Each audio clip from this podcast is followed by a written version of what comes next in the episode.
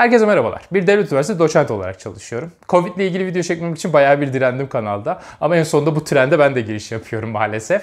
E işin aslı tabii ki Covid'den nasıl korunur falan diye bir video konumuz olamaz. Benim uzmanlık alanım bu değil. Ama benim uzmanlık alanım birazcık insan psikolojisi ve algısı ile ilgili.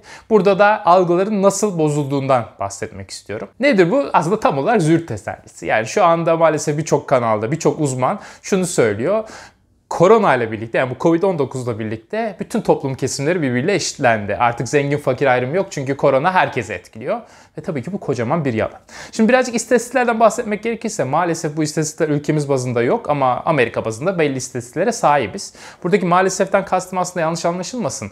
Bizde toplumsal sınıflandırma ilişkin istatistikler, bilgiler yok en azından Covid bazında ama e, Amerika'da böyle bilgiler var. Bu bilgilerden hemen çok kısaca bir tanesinden bahsetmek gerekirse mesela Chicago'da yaşayan insanların normalde %30'u siyahi.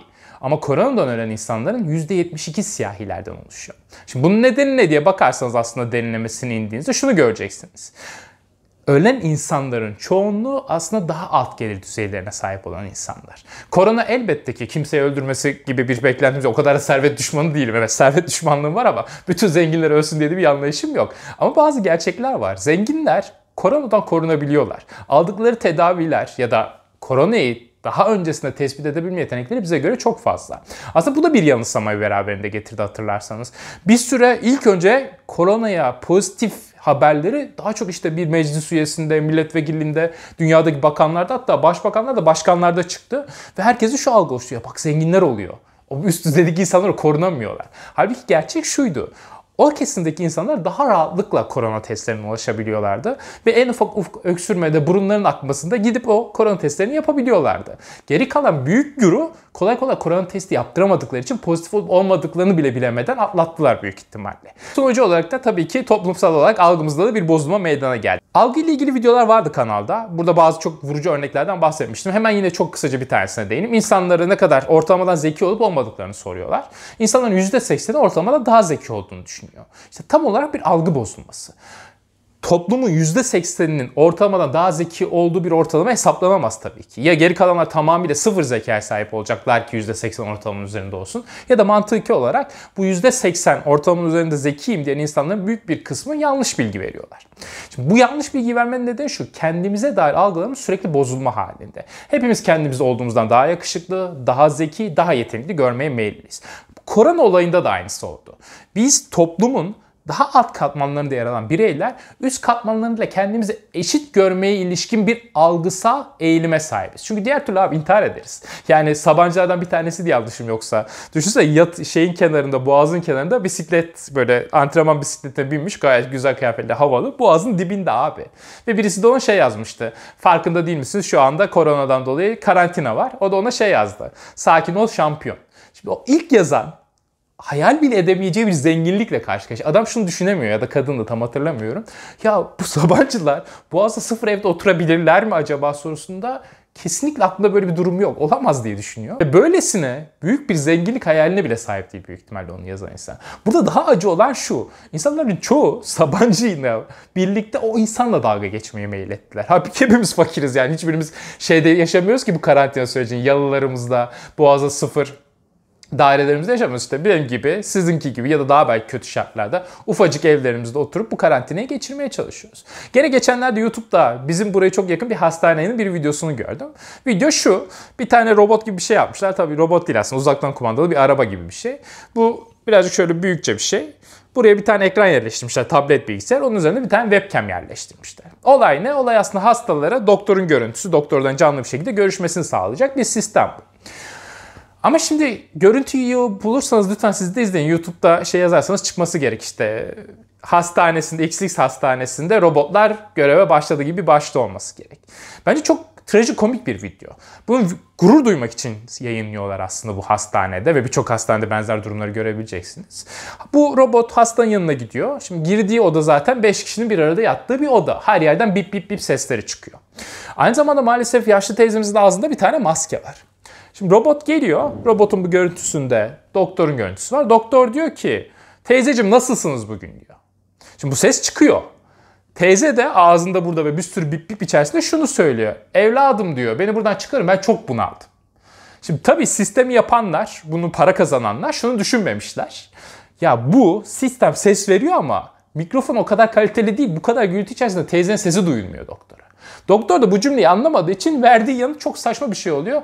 Çok çok iyi teyzeciğim, çok güzel böyle devam edeceğiz inşallah diyor. Ya teyze diyor ki ben kurtar beni buradan. Bunu aldım diyor. Doktor diyor ki çok çok. Doktor da zeki belli ki. Şimdi basına haber gelirken duymuyorum demiyor. O da ezbere gidiyor. Şimdi sizce Fatih Terim böyle bir tedavi mi aldı? Yani 5 kişiyle birlikte ki bence bu da görüntü alınacak diye 5 kişilerdi. Normalde 10-15 kişi falan yatıyorlar diye olabilir diye tahmin ediyorum. Şimdi bir anda da şeye bu o kadar özverili çalışılan yerlere de şey böyle suçluyormuş gibi olmayayım ama olanaklar bunlar. Büyük bir toplumsal kesim için. Ama sizce Fatih Terim gittiğinde 5 günde tedavi olduğunda sizce böyle 10 kişilik odada mı yattı? Onun yanında sesi alamayan bir robot mu girdi? Yoksa profesörün kendisi girip durumunu halini hatırını mı sordular? Yine bence burada çok trajikomiktir. Fatih Terim'in kızı Buse Terim olması gerek. O da Instagram'dan işte babamı bu hale düşürenler bana yaşattığınız acıları size şey yapacağım bin katı başınıza gelsin diye beddua etti. Belli ki çok üzgün ve çok acılıydı. Ama sadece 2 saat içinde sponsorun da reklamını yaptı. Çünkü Buse Terim de çok iyi biliyor ki babası o hastaneden çıkacaksa ya da yarın bir gün evladı o hastanelerden ölmeden çıkacaksa bunun olasılığını arttıran şey o sponsorları vasıtasıyla biz toplumun büyük bir kesimini o ürünleri sattırarak ceplerini doldurmaktan ibaret. Eğer bunları yapamazlarsa yarın bir gün onlar da bizler gibi 10 kişilik hastane odalarında sesini duymayan doktorlarla tedavi olmak zorunda kalabilirler. Yine benim izlediğim görüntülerden bir tanesi çok e, bence yine bize yüzümüze gerçekleri vuran bir unsurdu bu. İlker Canikligil'in görüntüleri. Bence dürüst düzgün bir adam İlker Canikligil. Tabi tanımıyorum buradan. şey gibi oldu. Flu TV'ye belli çıkardı abi der gibi. Ama ya şimdi yayınladığı bir görüntü var. Korona pozitif çıkmış maalesef kendisi de. Hastaneye gitmiş. Gayet gerçekçi ve dürüst bir şekilde bence süreci anlatıyor. Elbette eksik anlattığım yerler olabilir ama genel itibariyle süreç şu şekilde işliyor anladığım kadarıyla kendisininkinde. İşte korona testini yaptıramıyor, git gel diyorlar, hastane şey yapmıyor ve kendisi açıkça şunu söylüyor. Araya birileri sokmak istemedim diyor. Yani dolayısıyla bu yüzden böyle bir süre gittik geldik ama sonra ben de artık bir yolunu buldum diyor. Belli ki ya araya birine soktu ya paraya bastırdı. Testin oluyor, pozitif çıkıyor. Hastanelerde yer yok. Doğru düzgün bulamıyor. Ondan sonra ya yine günahını almayayım ya paraya bastırıyor ya birini buluyor. Hastanede bir yer ayarlıyor kendisine. Şimdi hastanede görüntüleri var İlker Canikli'nin. Ya ulan görüntüleri izliyorum. Ya şimdi bak yanlış anlamayın öyle ya da böyle bizim bir gelir düzeyimiz var. Kötü değil ama abi hastanenin odası bizim evden güzel. Yani şimdi adam tamam kötü bir hastalık. Kimsenin başına Allah vermesin ama bence toplumun %80'i o hastaneye yatırın. 10 gün burada kalacaksın deyin. Biz seviniriz. Ya oğlum ne güzel lan falan diye böyle havaya gireriz. Yani şu anda 40, 40 koltukta oturuyorum abi. Yani belini falan ağrıtıyor uzun süre oturunca. Abi hastanede her türlü lüks var. Kocaman televizyonu var. Kocaman bir alan var. Pırıl pırıl ya. Şimdi sizce oraya biz az önce sesi çıkmayan Ayşe teyzeyi yatırsaydık hala aynı tedavi olasılığına mı sahip olacak? Zaten bu tür örnekleri veriyoruz ama bunlar hep subjektif örnekler. Rakamlara bakmamız yeterli Amerika'daki. Çünkü bir tek oradan bu rakamları alabiliyoruz şu anda. Oradan da biz çıkarsama yapıyoruz. Onlar size gelirleri söylemiyorlar ama biz biliyoruz ki siyahi toplum maalesef Amerikan sisteminde daha alt gelir düzeyindeki insanlardan oluşuyor. Şimdi ölüm rakamları toplumsal nüfus oranlarına göre çok fazla olmasının tek bir nedeni var. Bu insanlar tedaviye rahat ulaşamıyorlar. Bu insanlar korona testlerini yaptıramıyorlar. Bu insanlar tedavi ulaşsalar da diğerleri kadar iyi tedavi olamıyorlar. Bundan dolayı da oransal olarak ölümler hep daha alt katmandaki bireylerden çıkıyor. Ama ilginç olan şu, televizyonda hala birilerinin çıkıp bunların bir kısmı iyi olabilir. Bir kısmı bence tamamıyla insanları uyutmak üzere yapıyor bunu. Şunu diyebiliyorlar. Artık koronayla hepimiz eşitiz. Ya varsa böyle eşitlik gelsin Sabancı burada girsin karantinaya. Ben orada gireyim abi. Böyle bir eşitlik olabilir mi? Ya da böyle bir eşitlik varsa Allah korusun kimsenin başına gelmesin de Fatih bizim buradaki hastanede yatsın. Biz onun hastanesinde yatalım. Madem korona hepimize eşit davranıyor. Madem bütün toplumsal kesimler eşit oldu. Tabii ki maalesef böyle bir dünya yok. Ben tabii bu çok normal yani en başında bahsettiğim gibi aslında bütün bu süreç çok normal. Bu algı bozulma süreci. Çünkü benim çalışma alanlarımdan bir tanesi bu. İnsan hep kendini rasyonize etmeye yönelik bir varlık. Yani biz hep kendimizi rasyonize ediyoruz. Hep kendimize ilişkin daha mutlu edici unsurları ön plana alıyoruz. Diğer türlü zaten hayatta kalmamız büyük ihtimal mümkün değil. Ya bir şekilde depresyona gireriz. Hayatta mutsuzlukla karşılaşırız ve ömrümüzü en azından güzel bir şekilde geçirmekten sonra çok daha kısa bir şekilde sonlandırma yollarını bile tercih edebiliriz. İşte tüm bunlarla kurtulabilmek için biz bir yaşam formu olarak bu şekilde hayatlarımızı hayatımıza devam ediyoruz. Hep kendimizi rasyonize ediyoruz. Hep kendimiz için iyi özellikleri ortaya koymaya yol açıyoruz. Ve burada da bu tür hikayeleştirmeler, bu tür metaforlar, işte toplumda hepimiz eşit olduk, zengin fakir ayrımı yok gibi cümleler hemen aklımıza yatıyor ve çok mantıklı gelmeye başlıyor.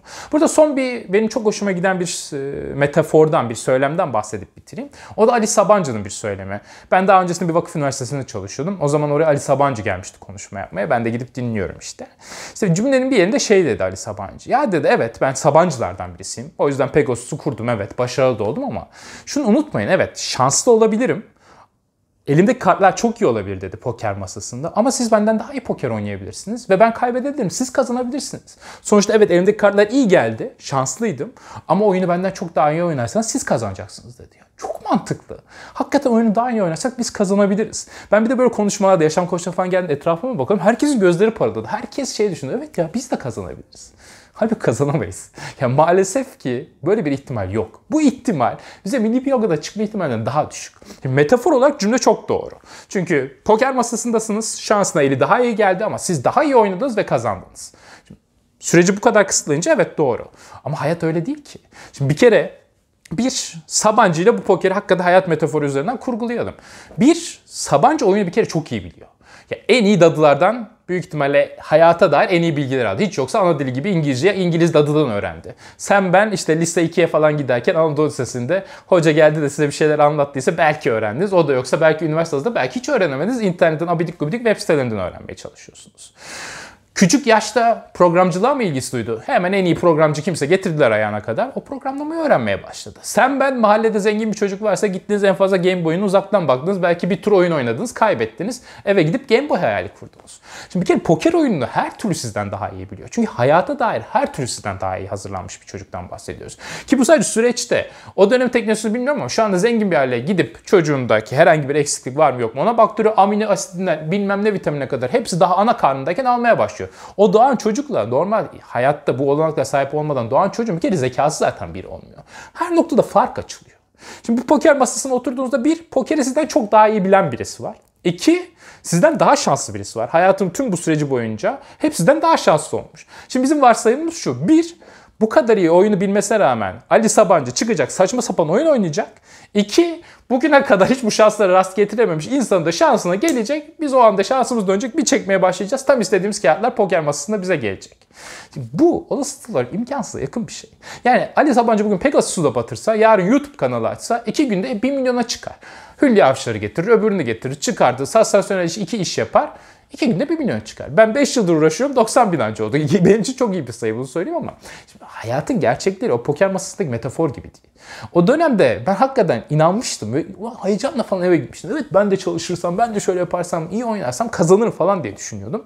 Yavaş yavaş da hayatın tokatını yedikçe şunu fark ettim. Ya böyle bir dünya yok. Hepimizin kendi sınırları var ve bu kendi sınırları içerisinde biz yaşayıp gidiyoruz. En başta dediğim gibi algı olayı böyle bir şey. Yani o cümle yani poker masası metaforunu kime söylerseniz söyleyin çok inandırıcı bir cümle.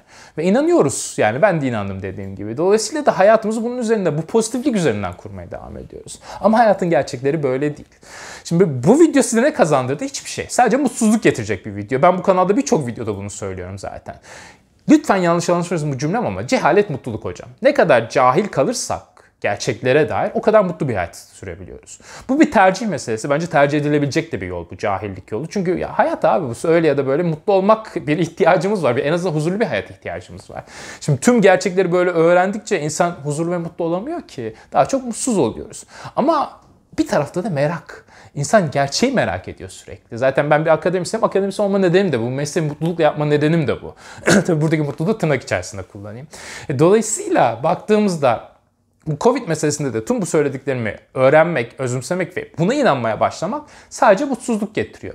Diğer tarafta da hiçbir gerçekçiliği olmadığını düşündüğüm bir toplumun her kesiminin eşitlendiği inancı var. Elbette ki zenginler de ölüyor. Allah rahmet etsin. Kimsenin ölmesinin gibi bir isteğim yok en başta dediğim gibi. Ama oranlar çok düşük. Çünkü ölümsüzlüğü bulamadık. Bulsaydık büyük ihtimalle zenginler de ölmeyecekti. Yine kalan fakirler ölecekti diye de iyice karamsarlaştırarak videoyu tamamlayayım. Videoyu bitirmeden şunu hatırlatayım. Önceden kanalımızın gelirlerini bağışlıyorduk. Gene bağışlayacağız. Açıklamaları yaptım niye şu anda bağışlayamadığımızı. Türkiye açısından çok önemli olduğunu inandım. Bir laboratuvarın şu anda kurulum aşamasında. E, bu Covid'den dolayı bazı eksikler yaşanmaya başladığı için oraya aktarıyoruz gelirimizi. Oranın geliştirebilmesi için oradaki arkadaşlarımıza aktarıyoruz. Ama ilerleyen zamanlarda tekrar bağışa dönecek. Dolayısıyla kanalımıza abone olarak hem bu bizim bağış miktarlarımızı arttırma şansına bize sunmuş oluyorsunuz. Hem de gelecek videodan haberdar olabilirsiniz. Aynı zamanda kanalın Instagram, Facebook ve Twitter'da da sosyal medya hesapları yer alıyor. Orada da olabildiğince size mutsuzluk getirecek paylaşımlar yapmaya çalışıyorum diyerek videomuzu burada bitirelim. Kendinize iyi bakın, sağlıklı kalın, kendinize dikkat edin, sevdiklerinize dikkat edin. Hoşçakalın.